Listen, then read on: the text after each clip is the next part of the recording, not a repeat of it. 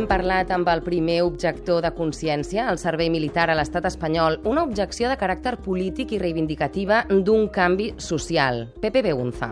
La violència és una trampa terrible en la que cau el moviment revolucionari i obrer perquè no pugui avançar. I dintre de tota aquesta trampa, la trampa més gran de totes, és l'exèrcit com a defensor del poble. I aquesta és la trampa més gran que hi ha perquè no hi ha cap base històrica que justifiqui aquesta mitificació de l'exèrcit com defensor del poble. Llavors, clar, jo no entenc com hi ha gent que pensa que un exèrcit es defensarà. Al contrari, els exèrcits són la, la major amenaça que tenim per la, la supervivència de la humanitat quan es va començar a parlar de si caldria un exèrcit català en una futura Catalunya independent, un grup d'experts no violents, entre ells Pepe Beunza, es van posar a estudiar aquest tema i van fer una llista de possibles amenaces que podria tenir una Catalunya independent i que no podria resoldre un exèrcit. La principal amenaça que tenim és la desigualtat social. Això de que uns pocs tinguin molt i una majoria tinguin poc, això és un foc d'inseguretat terrible, això ho diuen tots, eh? I clar, això no se resol amb un exèrcit, se resol amb, una, amb un sistema social molt més just. El narcotràfic, això és una bona policia. Eh, les catàstrofes naturals, un bon sistema de bombers, de prevenció d'incendis, de, de guardes rurals, amenaces de migració, bueno, pues uns bons sistemes socials, uns bons sistemes eh, econòmics de, de justícia, Beunza creu que cal treballar un nou concepte de seguretat i lluitar pel desarmament. Què s'ha de fer també? una política exterior pacífica i pacificadora. Que diu, i tu què hagueràs fet amb el terrorisme? Bueno, el primer que hagueren fet seria no invadir i no destruir Iraq. Clar, en aquella època jo em recordo que a, a, a Estats Units el que no estava a favor de la guerra d'Iraq era un traïdor. Clar, i aquí quan el, el Parlament va decidir que, que col·laboraria amb la invasió, tota la gent del PP va aplaudir com bojos, clar, estava, estaven sonats, és que és una cosa... Què hagués de fer? Pues una política pacífica, una economia social equilibrada, un respecte pel medi ambient, perquè clar, les catàstrofes naturals tampoc venen soles. Si estàs acumulant CO2, si estàs acumulant efecte hivernacle, pues tindrem catàstrofes contínuament, no?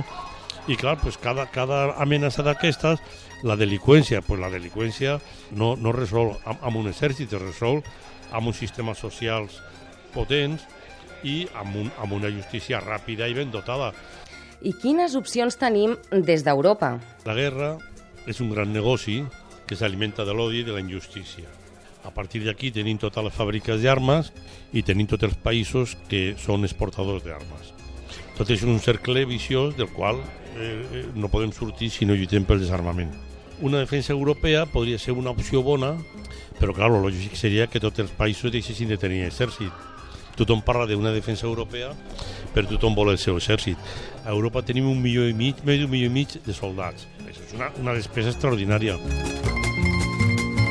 L'única resposta coherent i sèria és lluitar per el desarmament i per pacificar el món. I com ens defensaríem? Bueno, pues jo estic convençut que qualsevol tirano és incapaç de sobreviure amb un poble que està entrenat en les tècniques de la lluita no violenta, de la desobediència civil i de la no cooperació. Per tant, a mi un, un exèrcit no em cal per defensar-me. Jo, ja, jo ja sé defensar-me sol i si ve un tirano ja es prepararem per defensar-nos. Però pensar que un exèrcit es defensarà és no, no entendre res de la història.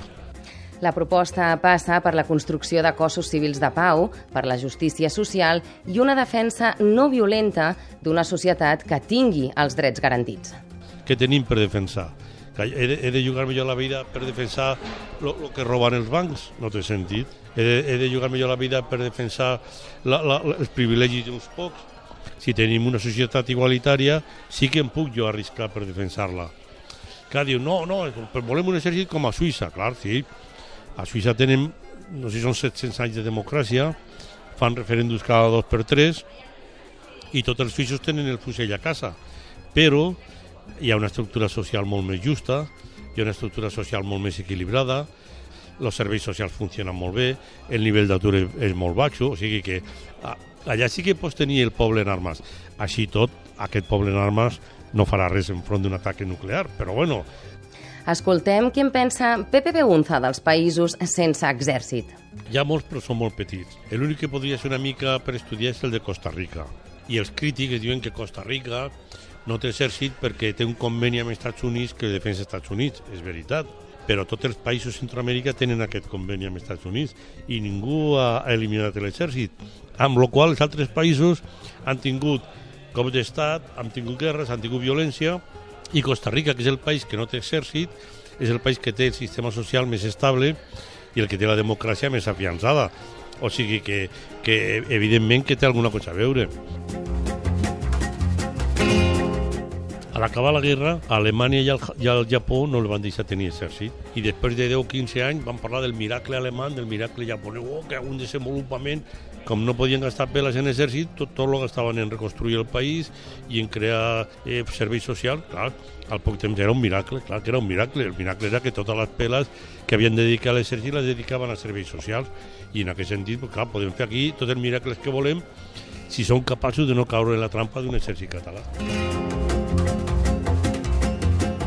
L'exèrcit serà per, per pagar els comissionistes de la venda d'armes.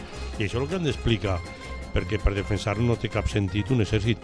I si aconseguim la, la independència de manera pacífica ja la sabrem defensar també de manera pacífica que és molt més fàcil no?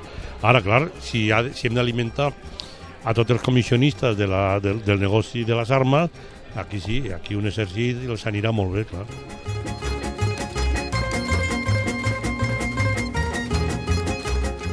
Segons Beunza, doncs, cal desmitificar els exèrcits i deixar clar que la proliferació d'armament nacional i internacional i el seu comerç legal o il·legal incrementa el risc i el perill de violència i de conflictes armats.